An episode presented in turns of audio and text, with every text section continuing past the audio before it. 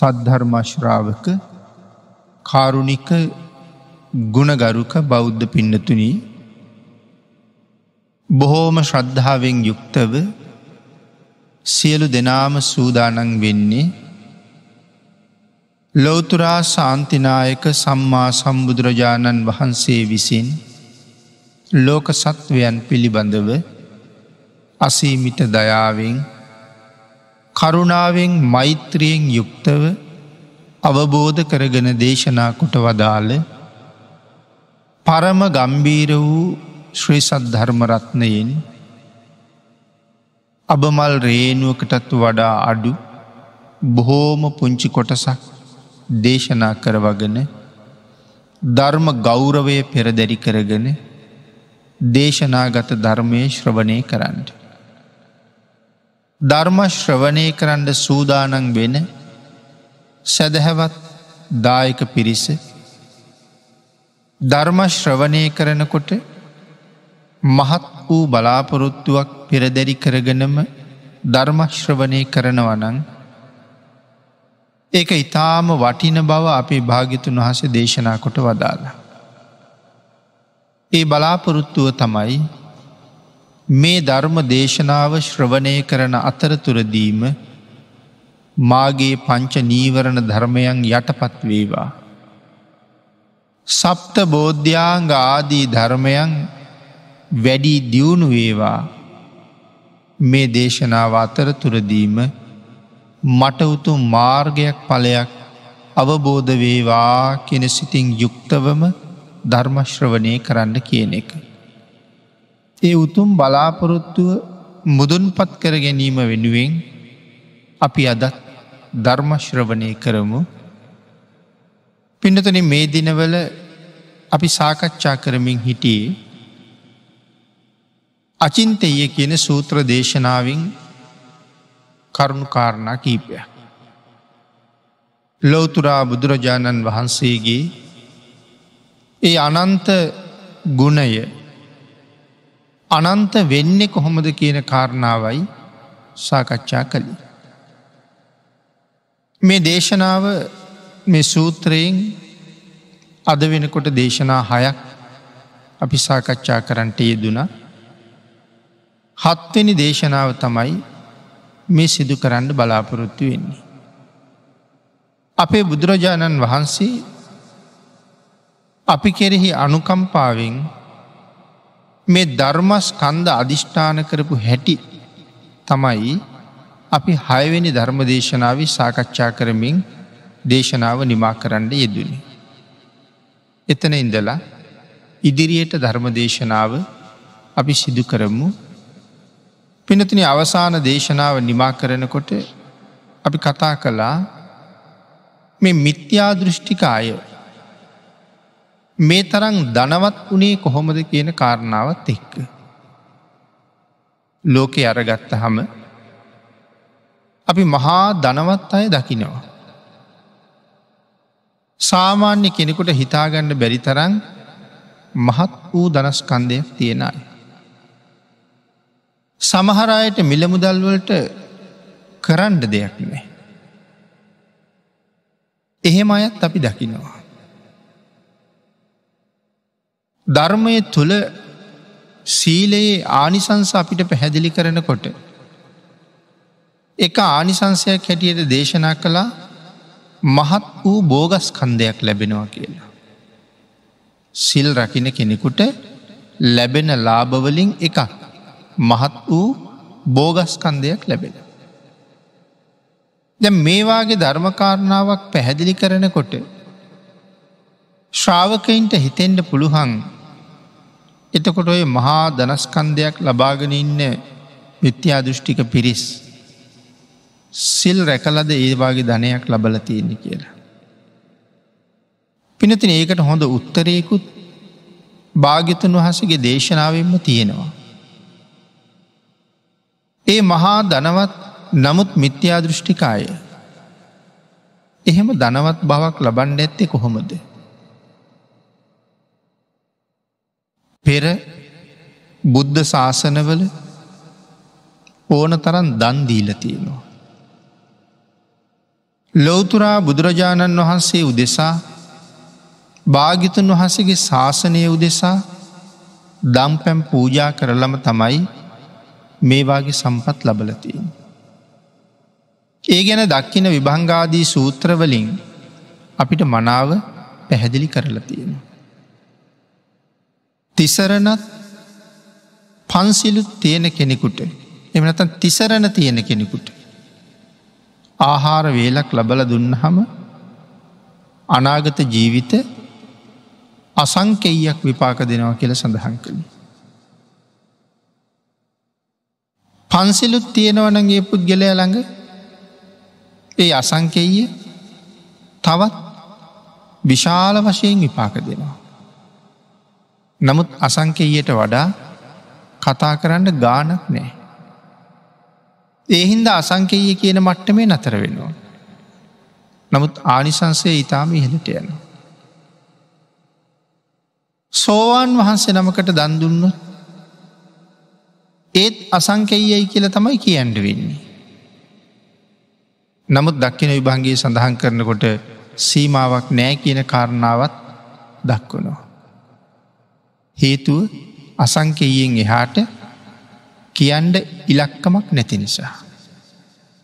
නමුත් අපි දක්කින විභංග සූත්‍රයේ සාකච්ඡා කළා ඒ වෙලාවේ උදාහරණයක් පැහැදිලි කළා. තිසරණ තියෙන කෙනෙකුට ආහාරවේලක් ලබල දුන්නත් අසංකීයයි. සෝවාන් වෙච්ච කෙනෙකුට දානවේලක් ලබල දුන්නත් ආනිසන්සය අසංකේයයි. අපි මේක තේරුම් ගණ්ඩ උදාහරණයක් සඳහන් කලා මේ ගල්පොකුණක තියෙන ජලයයි සාගර ජලයයි වගේ කියලා. උදාහරණයට අරගත්තුත් තිසරණ තියෙන කෙනාට ආහාරවේලක් ලබල දුන්නහම ලැබෙන ආනිසංසය අසංකෙයයි ඒක හරියට ගල්පොකුණක තියෙන ජලය වගේ.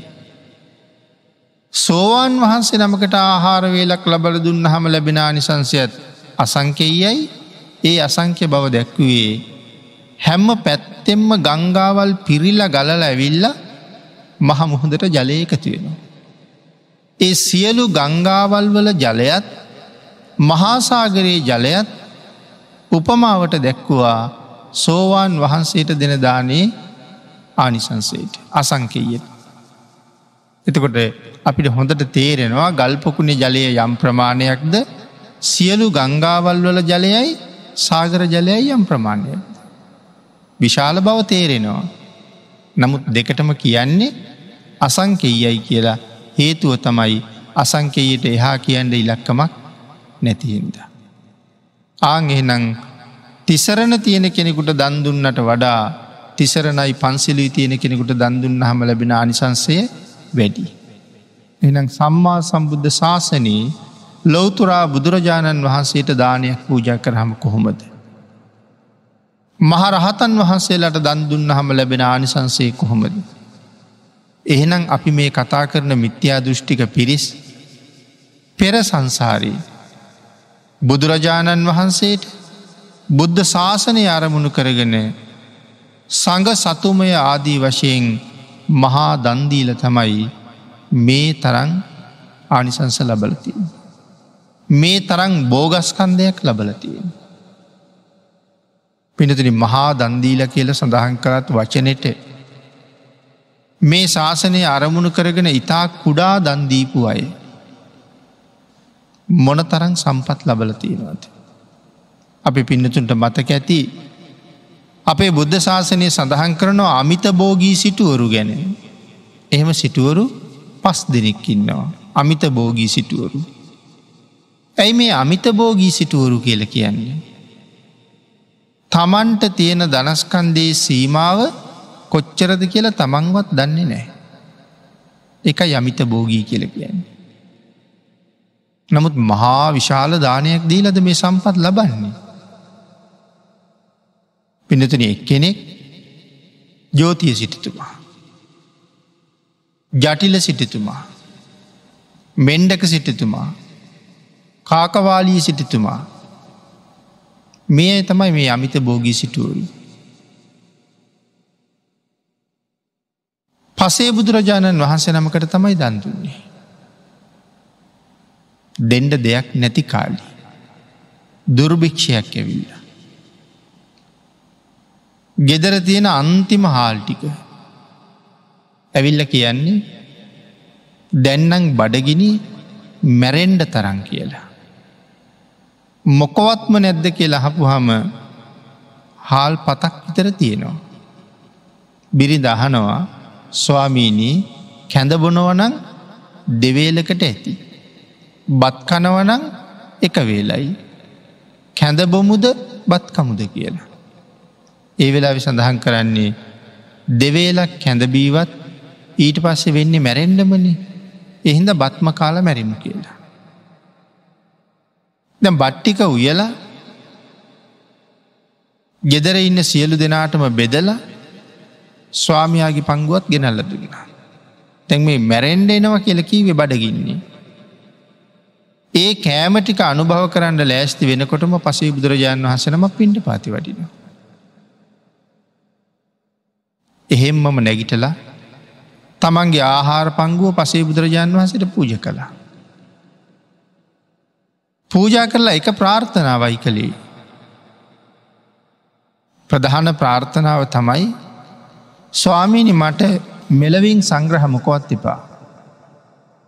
සංසාරය දන්දුන්න මදි ඒකයි මෙහෙම බඩිගින්නට සිද්ධ වුණේ. නිවන් දක්නා ජාති දක්වා. සාපිපාසාදී දුකක් නං නොවේවා කිය. තමන්ගේ පිඟානට බෙදාපු බට්ටික දන්දීල කරපු ප්‍රාර්ථනාව. ඒ ප්‍රාර්ථනාව තමයි ඒ විපාක දෙන්නේ. එතකොට ඒක ආරංචි වෙනවා ඇහෙනවා ඒ ප්‍රාර්ථනාව තමන්ගේ බිරිඳට. එතුමියගේ ආහාර පංගුවත් පසේ භාගිතුන් වහසට පූජ කරනවා. ඒක ඇහෙනව පුතාට පුතත් ඇවිල්ල තමන්ගේ පංගුවත් පූජ කරනවා. ඒක ඇහෙනවා පුතාගේ බිරිඳට ඒක ඇහෙනවා ගෙදර ඉන්න දාසයට මේ සේරම දෙනා පූජා කරලා ප්‍රාර්ථනා කරනවා.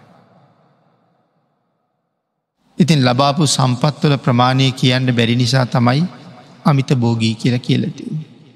එතොට මහාදානයක් නෙමෙයිනෙ දීලතියෙන්. ගෙදර එදා උයාගත්ත බට්ටික. ජීවිතේ මැරෙන්ඩ කලින් අනුභව කරන්න තියෙන අන්තිම කෑමවේට. නමුත් දන්දීල්ල ඉවර වෙනකොට සියලුම ගබඩා රත් හැල්වලින් පිරෙන්ට පටන් ගත්තා. එමනං මේ ශාසනයේ මහා පින්කං කරන අය මොන තරං දනස්කන්දයන් ලබනව ඇද. පිනතුන විදේශ රටවල් වල අපේ පිනතු නහල තියෙනවා සමහරය නිදාගන්නෙත් රත්තරං ඇඳංවල. ගෙවල්ලෝට රත්තරං තහඩු බිත්තිවලට අල්ලලතියෙන. රත්තරං කෙදිවලින් ව්‍යාපු ඇඳුම් අඳින්නේ. කෝටි ප්‍රකෝටි ගනන් මිලයි. එතොට මේවාගේ සම්පත් පෙර බුද්ධ ශාසනයක දන්දීලම තමයි ලැබිලතියෙන්. නමුත් අලාභයක් තියෙනවා. ඒගොල්ලු මිත්‍යා දෘෂ්ටිකයි. වැඩිමවුණොත් අවුරුදු සීයක් සැපවිඳිනවා. තැන් අපේ රටෙත් එහෙම මහ දනවත්තු අපේ ප්‍රමාණය හැටියට ඉන්නවා. නමුත් සම්මාධිට්ටික නෙමෙයි හුඟක් අය මිත්‍යා දෘෂ්ටිකයි. එතකොට අපිට පුදුම හිතෙනවා සිල් නැතුව ඒගොල්ල කොහොම දෙහෙම බෝගස්කන්දයක් ලැබුවේ. ලැබුවෙත් පින්නතුනේ බුද්ධ ශාසනයක් නිසාමයි කියන කාරණාවයි දැනගණ්ඩ. හැබැයි දන්දීල තියෙනවා. පින්ක මේ අඩුපාඩුවක් තිබිල තියෙනවා. නිවන් දක්නා ජාති දක්වා සම්මා දිට්ටික වන්නෙම්වා කියල ප්‍රාර්ථනාවක් කරලනේ. ආං ඒක නිසා මැරුණහම මිත්‍යා දෘෂ්ටික වෙලත් උපදිනවා. වෙන අකුසල් නිසා සතරාපායත් උපදිනවා. හැම කාලයක්ම සතරපායින්නේ නෑනේ කවදහරි සතරාපායෙන් නිදහස් වෙනවා. ධර්ම දේශනා කරන මමත් ධර්මශ්‍රවනය කරන ඔබත් ඔය සතරාපායේ ගියපු නැති තැනක් නෑ. එක වරක් නෙමෙයි මේ සංසාරය සිය දහස් වර අපි සතරාපායි ඉඳල තිය. පනුව වෙලා ඉඳල තිය. අසූචි ගොඩවල් වල ඉහෙට මැස්ස වෙලා අපි කී කාලයක් අසූචි අනුභව කර කර ඉඳල තියෙනවා. අද මෙහෙම වාඩි වෙලා හිටියට. ඉහින්ද සතරාපායිත් යනවා. ආපහු කවදහරි සතරාපායෙන් ආයෙත් ආයෙත් මි දෙනවා. ආයෙත් මිදිලා මනුස්සලෝක උපදිනවා. මනුස්සලෝක ඉපදිලා නැවත පෙරකරපු කුසල් විපාක දෙන්න පටන් අරගෙන මහත් වූ දන සම්පත් ලබනවා. මිත්‍යාදෘෂ්ටිකව ඉපදිලා එච්චර සැපවිඳලා ආයසරයක් මැරිලා සතරපායටයන්. මිත්‍යාදෘෂ්ටික නිසා. ඒකයි සඳහන් කළේ කොච්චර ධනය තිබුණත් මිසදිටු බව නිසා වැඩිමවුණොත් අවුරුදු සීයක් මේ කාලි ජීවත්තෙයි. එනම් සැපයක් විඳිනවා අවුරුදු සීයක් විතර. ඊට පස්සේ මැරිලා සතරාපායට යනවා. නමුත් සම්මාධිට්ටික වීපදිච්ච කෙනෙක්. සත්පුරුෂයෝ හම්බ වුණොත් පුංචි අවදියේ ඉදලා තෙරුවන් සරණ යනවා. හැබැයිති සත්පුරුෂයෝ හම්බ වෙන්ඩුවනේ. හැමෝටම සත්පුරුෂයෝ හම්බ වෙනවද. ආං ඒක නිසත් ප්‍රාර්ථනාවක් අවශ්‍යයි පින්නතුනී කල්්‍යයාන මිත්‍රයන් ලබන්නෙම්වා. මෙතැන් පටන් නිවන් දක්නා ජාති දක්වා කල්්‍යයාන මිත්‍රයන් ලබන්නෙම්වා කල්්‍යයාන මිත්‍රයන්ගේ විශේෂ අනුකම්පාව ලබන්නෙම්වා. කල්්‍යයාන මිත්‍රයන්ට සත්පුරුෂයන්ට එරෙහිව සිතුවිලි මාත්‍රයක්වත් නූපදවන්නෙම්වා. පින්කං කරල ප්‍රාර්ථනා කරන්නුවන්. ආං එතකොට අපිට සත්පුරුෂ මව්පියෝ ලැබෙනවා. මේ ලෞකික ජීවිතයේ පෝෂණය කරන්න උත්සාහ කරනවා වගේම අපේ ආධ්‍යාත්මික ජීවිතයේ පෝෂණය කරන්නත් ඒ මව්පියෝ කටයුතු කරනවා. අපේ බුදුරජාණන් වහන්සේ මව්පියන්ගෙන් දරුවන්ට ඉෂ්ටවෙන්න වන යුතුකං පහක් දේශනා කළා. මංහිතන හුඟක් අය දන්නවා එක පළවෙනි එක තමයි පාපා නිවාරෙන්ති. තමන්ගේ දරුවා පවෙන් වලක් කණ්ඩුවනේ. එක තමයි පළවෙනි යුතුකම. පුංචි දරුවෙක් නමුත් ප්‍රාණඝාතයක් කළොත් විපාක දෙනවා. සමහර කෙනෙක්න කියන්නේ නොදන්න අයට විපාකනය කියලා. එහෙම එකක් ශාසනී නෑ. දන්නේ නැති අයට විපාක වැඩි. එනිසා පුංචි අවදීන්දලා දරුව පවින් වලක් කණ්ඩුවනේ. ඉස්සර ලාම බොරුවක් කියල පළවෙනි දවසේ එදාම බොරු ආදීනව ටික කියල දෙන්නඩෝනේ. අය කවදාවත් බොරු නොකියන්ඩ ඒ දරුව පුරුදු කරන්න ඕනේ. එහෙම දේවල් සමාජය වෙන්න නෑ. හැබෑම සත්පුරුෂයෙක් හම්බුණොත් විතරයි මේ බොරුවේ ආදීනව කොච්චරද කියලා දැනගෙන දරුවාතින් බොරුවක් නම් කියවෙන්න දෙන්නේ නෑ. කලාතුරකින් එහෙමයි හම්බ වෙන්නේ. නමුත් නැත්තෙම නෑ. ඉන්නවා. පින්නතන අපිටත් පිනක් තියෙන් ඩෝනෑ ඒවාගේ සත්පුරුෂයෝළඟ උපදින්ට. ආං ඒකටයි සත්පුරුෂයන් ලබන්නෙම්වා කියල ප්‍රාර්ථනා කරන්නු. එතකට පවෙන් වලක් වනවා. පුංචි අවදීන්දල පවින් වලක් කරනවා. කල්්‍යයාන මිත්‍රයන් ඇසුරු කරවනවා. දැන් වර්තමාන සමාජී අපි කල්පනා කරහම කාගේ ඇසුරටද යොමු කරන්නේ කියන එක පවා ප්‍රශ්නයක් වෙලා. අනිත් කාරණාව තමයි මව්පියූ පාසල් යන වයිසට වගේ ආවට පස්සේ මව්පියොත් කාරය බහුලයි. එනිසා දරුව සමහරලාට උදේ පාසල්ට පිටත් එච්චාම රැයින් රෑවෙලා නින්දට යනතුරුම ආසන්න වෙනකං හුද කලා ජීවිතයක් ඇත කරන්න. පාසලට ගියාද ඉගෙන ගත්තද පන්තියට ගියාද කියන කාරණාව ටිකක් හොයනවා. නමුත් දහවල් කාලය පුරාම ඇසුරු කළේ කෞුද කියන කාරණාව හොයන්නේ.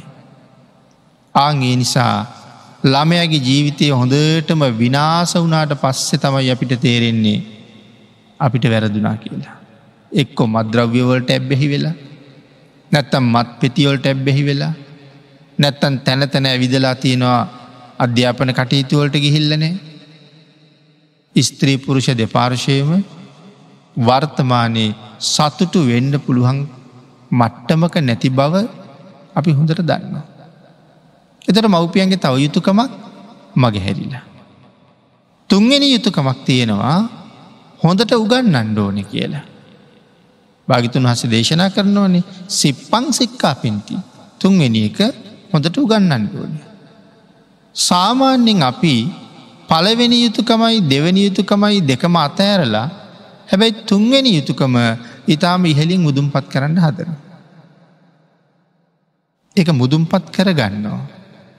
ඒ වුණට දැන් ඒගොල්ලො තිසරණ ගැන දන්නවද. ඒගොල්ලො පන්සිල් ගැන දන්නවද. ඒගොල්ලො පව්පින් ගැන දන්නවද.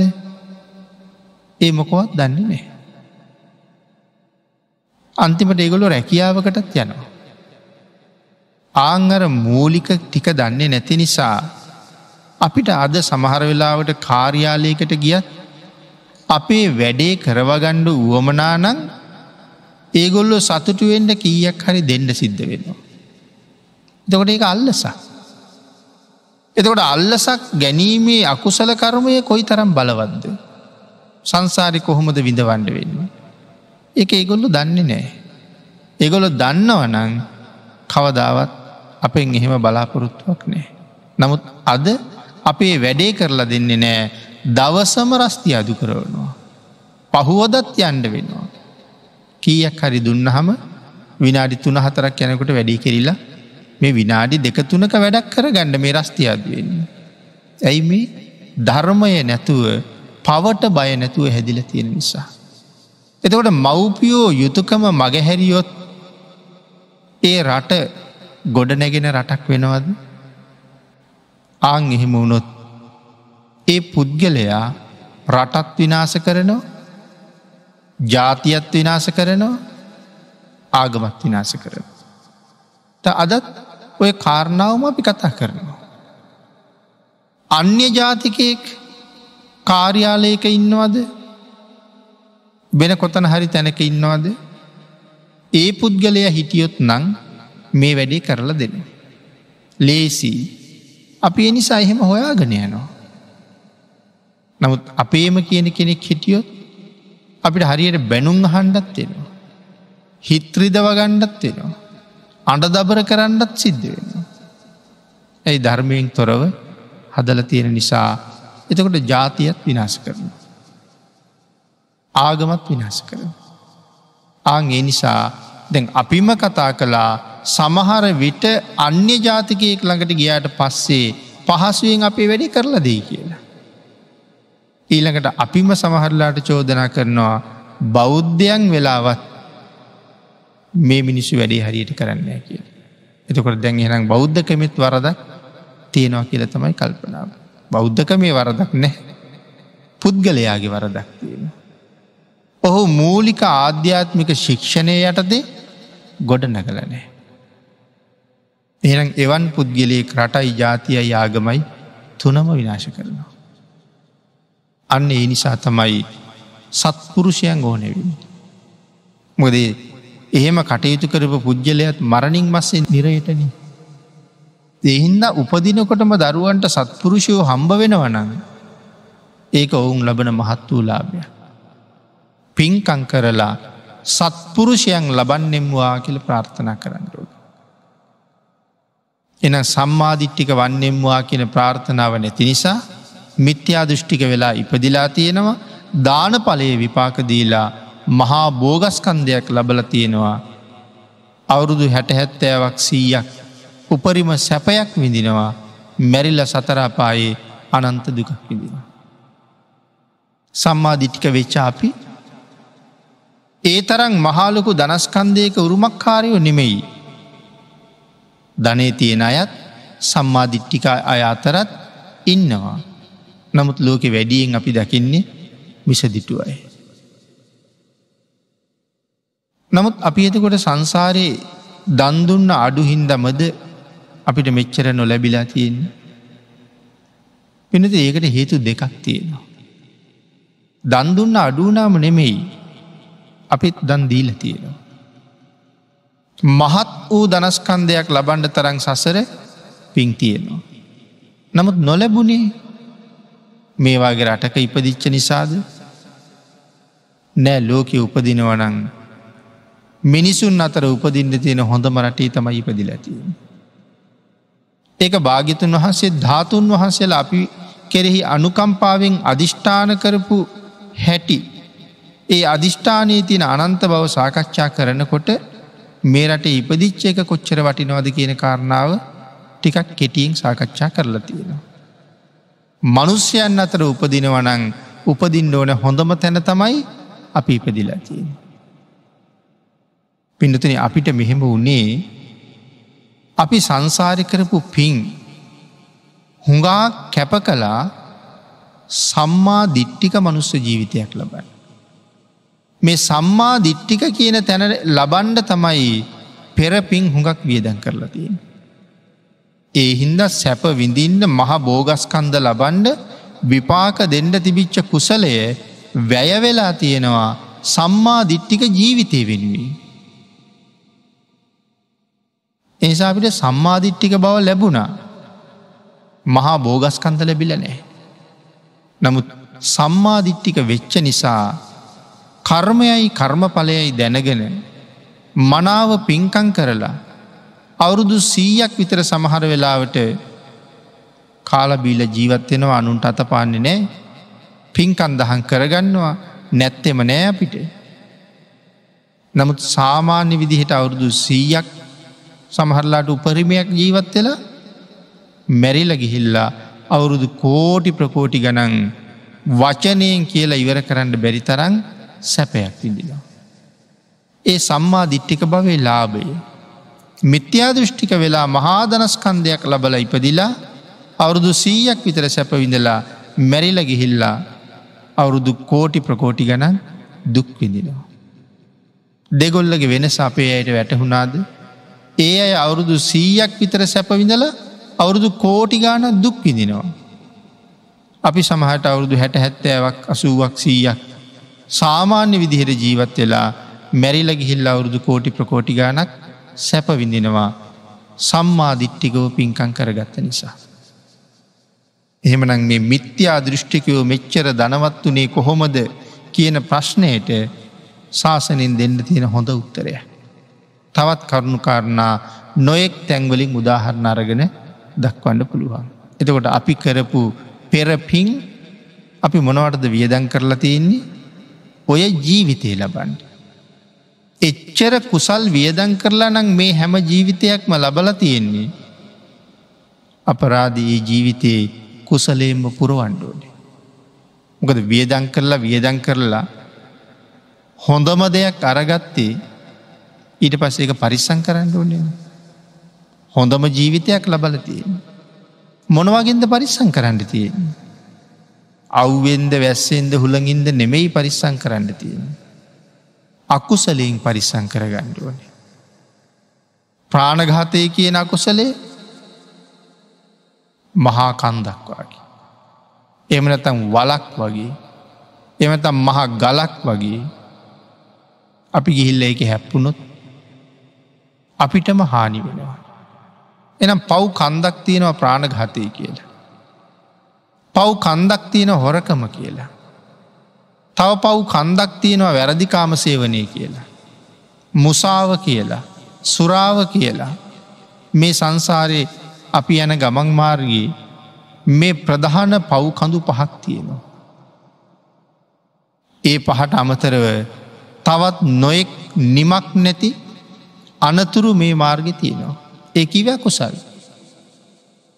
මගේ ජීවන යාත්‍රාව මේ කිසිම තැනක අනතුරකට පත් නොකර ගනිමින් ඉස්සරහට පදවන්ඩ තමයි සම්මාධිට්ටික ජීවිතය කරන්තිීන්. ආං ඒක හින්දා අනතුරේ හෙලාගණ්ඩ එපා කියල මංකිවේ එකයි. අපිට හොඳට අකුසලේ වැටහෙන්ඩුවනේ. අකුසලේ මනාව වැටහුණා අකුසලයට ගැටුනේ නෑ කියල කියන්නේ මගේ යාත්‍රාවේ තිරිංග මට හොඳට පෑගෙනවා කියන එකයි. අකුසලේ ගැටෙන් නැතුව තිරිංග පාක ගණ්ඩුව. කුසලය ඔස්සේ යාත්‍රාව පදවන්ඩුව. ඔහුට මොන තරං සතුටින් මැරෙන්ඩ පුළුවන්ද.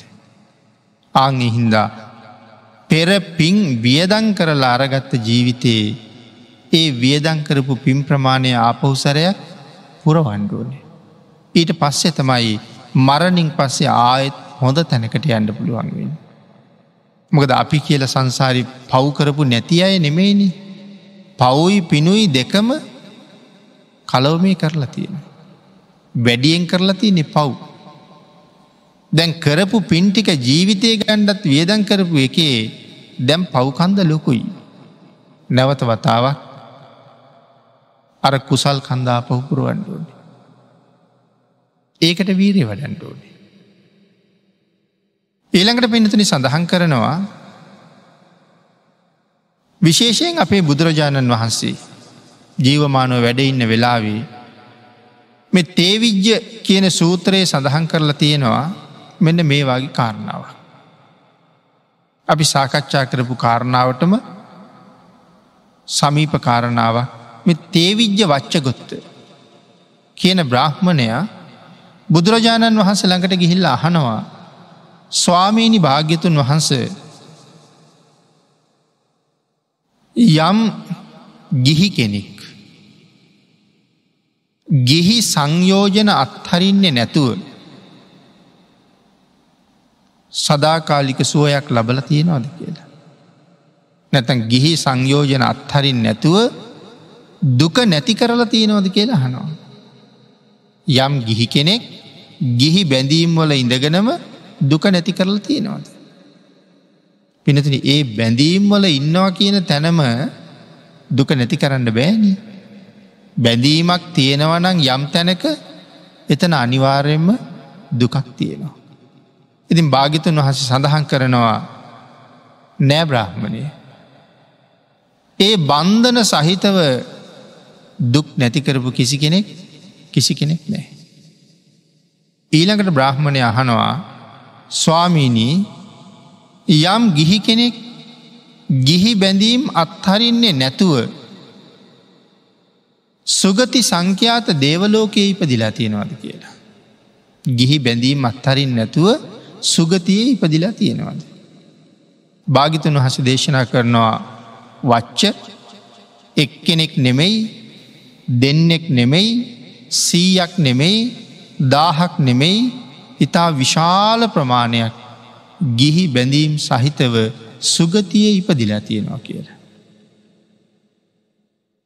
ගිහි ජීවිත ගත කරලා මරණයෙන් පස්සේ දිව්‍යලෝ කොළ උපදින. නමුත් ගිහි බැඳීම් සහිතව නිවන් දැකපු කවුරුවත් කවුරුවත් නෑ.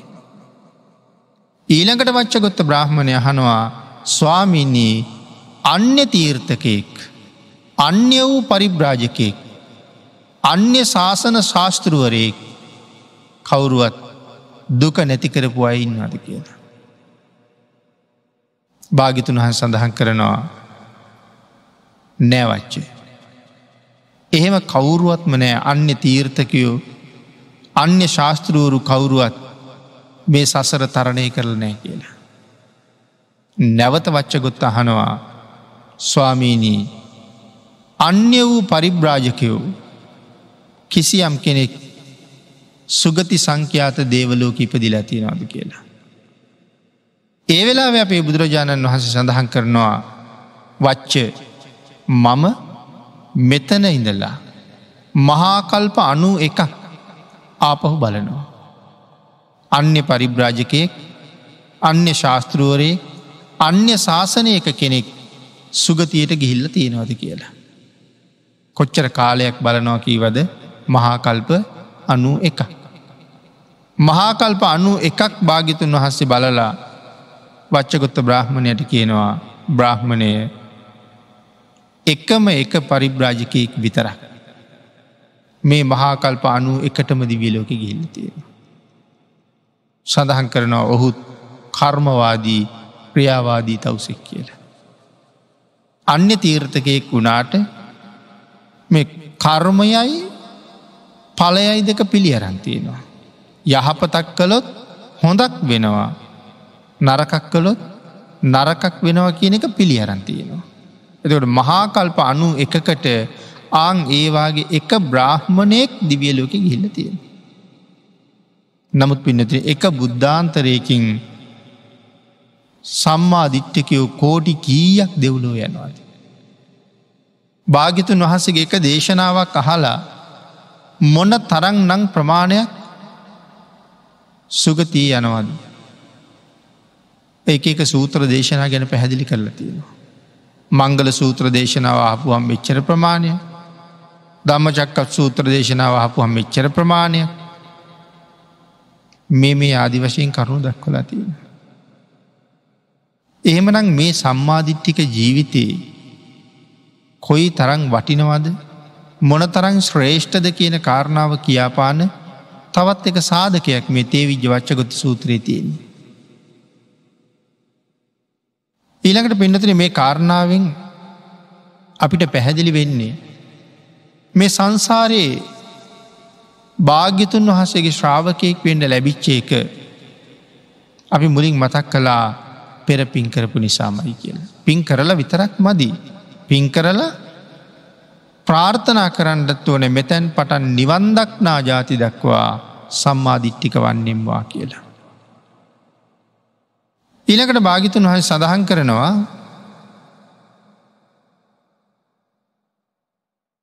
යම් කිසි පුද්ගලයෙක් මේ සංසාරයේ භාගිතුන් වහසට අකී කරුණා. ඔහුට සංසාරය මොනවා වෙන්න ඇද්ද. ආරයන්ට අකීකරු වෙච්ච නිසා. ආරයන්ට අකීකරු වෙච්ච නිසා මොනතරං අසරණ තත්ත්වයට පත්වනාද කියන කාරණාවත් විශේෂ කරුණු ගණනාවක් ඔස්සේ පැහැදිලි කරනවා. අපි මුලින් සඳහන් කලායික අවස්ථාවක මේවාගේ රටක ඉපදෙන්ට ලැබෙන එක අපිට මහා භාග්‍යයක් කියල. අපි දක්කින විභන්ගේ ගැන සඳහන් කලා කරුණක් දික. එතන තියෙනවා දුස්සීල පුද්ගලයකුට කෑමවෙලක් දුන්නුත්. අනාගත ජීවිත දාහක විපාක දෙනවනි. පිඩතුනේ සමහර රටවල් තියෙනවා. යාචකයකුටවත් කෑම වෙලක් දෙන්න බෑ. ඒ කියන්නේ දානය කියන එක නැත්තටම නෑ වගේ. දැන් අපේ රටේ අපිට යාචකයන්ට කොච්චර කණ්ඩ දෙන්න පුළු හන්ද. සමහ රටවල්ල එහෙම් බෑ. අවසාන කෑමවෙල සමහට මමයි දීල තියෙන්නේ. ඒ යාචකය මැරුණොත් අනිවාරෙන් මට සමහට හිරගත වෙන්න සිද්ධ වෙන. ඇයි මගේ කෑමවේල නිසාද මැරුණේ කියල ප්‍රශ්නයක් කෙන. ආං ඒක හින්දා ඕන තරං යාචකයෝ ඉන්නවා නමුත් මිනිස්සු කණ්ඩ දෙන්නේ කණ්ඩ දෙන්නේ නෑ. ඇයි අරවාගේ කරදරවලට මුණ පාණ්ඩ සිද්ධ වෙන නිසා. ඒකයි මම සඳහන් කළේ මේවාගේ සම්මාධිට්ටික රටවල්ල ඉපදෙන එක මොනතරම් භාග්‍යයක්ද කියලා. ඊළඟට පින්නතුන ඉතාමත් කලාතුරකින් මේ සංසාරය ප්‍රාර්ථනාවක් කරලා තිබුණි නැත්තන්න අපි ආපහු සම්මාධිට්ටිකයන් අතරට එනවා. ආය මැටල මිත්‍යා දෘෂ්ටික වෙලත් උපදිනවා. ආය සතරාපායත් උපදිනවා. ආයත් කලාතුරකින් සම්මාධිට්ටික වෙන. එහෙම වෙන්න නෑ නිවන් දක්නා ජාති දක්වා සම්මාධිට්ටික වන්නෙම්වා කියල ප්‍රාර්ථනා කරලා තියහම.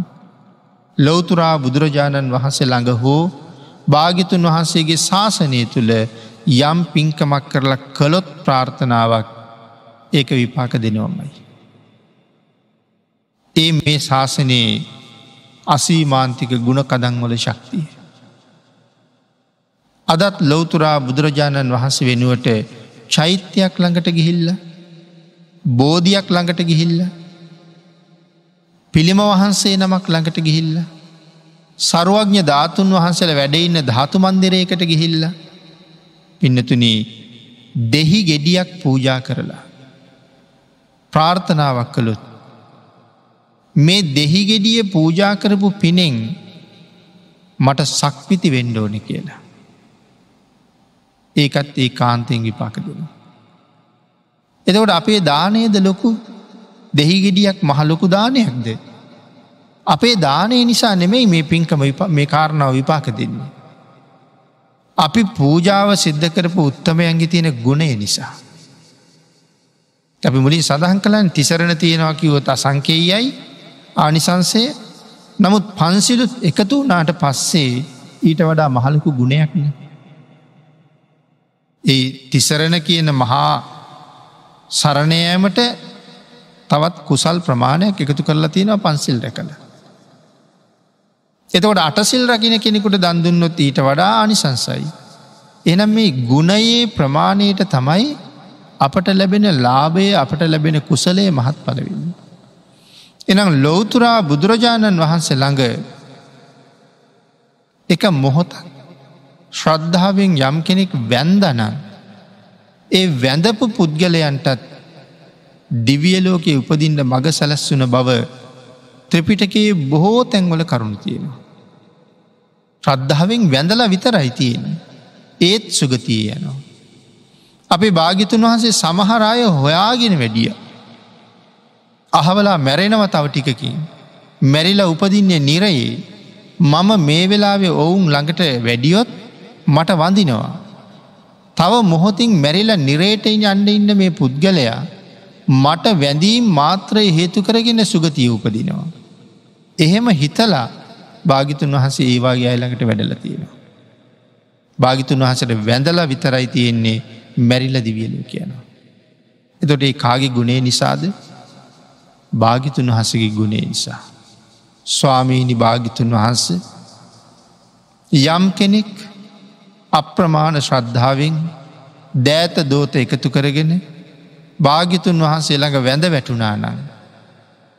ඒ ඕනෑම පුද්ගලයකුට දිව්‍ය මානුෂික සැප සම්පත් උදා කරලා දෙන්නට තරම් භාගිතුන් වහන්සේ සතු සීල සමාධයාදී මහාගුණයට හැකියාවක් ඇති නිසා අපි අරහං කියල කියනවා.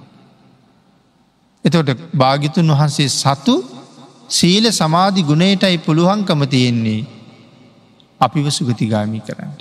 අපි ගාව නෙමෙයි ගුණ තියෙන්නේ. ආං ඒකයි මම සඳහන් කළේ දෙහිගෙඩියක් පූජා කරනවා කියන එක අපිට පූජාවක් නෙමෙයි පින්නතුනී. නමුත් අපි ඒවන් දෙහිගෙඩියක් නමුත් පූජා කරලා කළොත් ප්‍රාර්ථනාවක්. ඒ ප්‍රාර්ථනව අනිවාරයෙන් විපාක දෙනවා. ආං එහෙමනං එවන් තැනක ගිහිල්ල නමුත් ස්වාමීනි මේ පින්කම නිසා නිවන් දක්නා ජාති දක්වා කවරදාකවත් මිත්‍යා දෘෂ්ටික කුලේක ඉපදෙන් දෙපා කියල ප්‍රාර්ථනා කළොත් ඒ ප්‍රාර්ථනාව විපාක දෙනවා කියලම සඳහන් කළ එකයි. අබුද්ධෝත් පාද කාලයක ඉපදුනත් නිර්මල ධර්මය වැටහෙන නුවනක් ලැබේවා. අබුද්ධෝත් පාද කාලයක නමුත් මට තිසරණය පිහිටත්වා. අබුද්ධෝත් පාද කාලේ කොහොමද තිසරණ පිහිටන්නේ කියලා කෙනෙකුට හිතෙන්ට පුළුවන්. නමුත් අබුද්ධෝත් පාද කාලයක නමුත් ප්‍රඥ්ඥාවන්තයෝ තෙරුවන් සරණ යන ක්‍රමයක් තියෙන.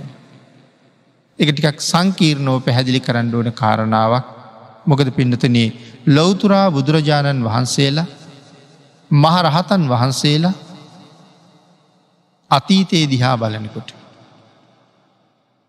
අවුරුදු ලක්ෂ ගණන් කෝටි ගණන් බලනවන අනාගතය දිහා බලනකොට.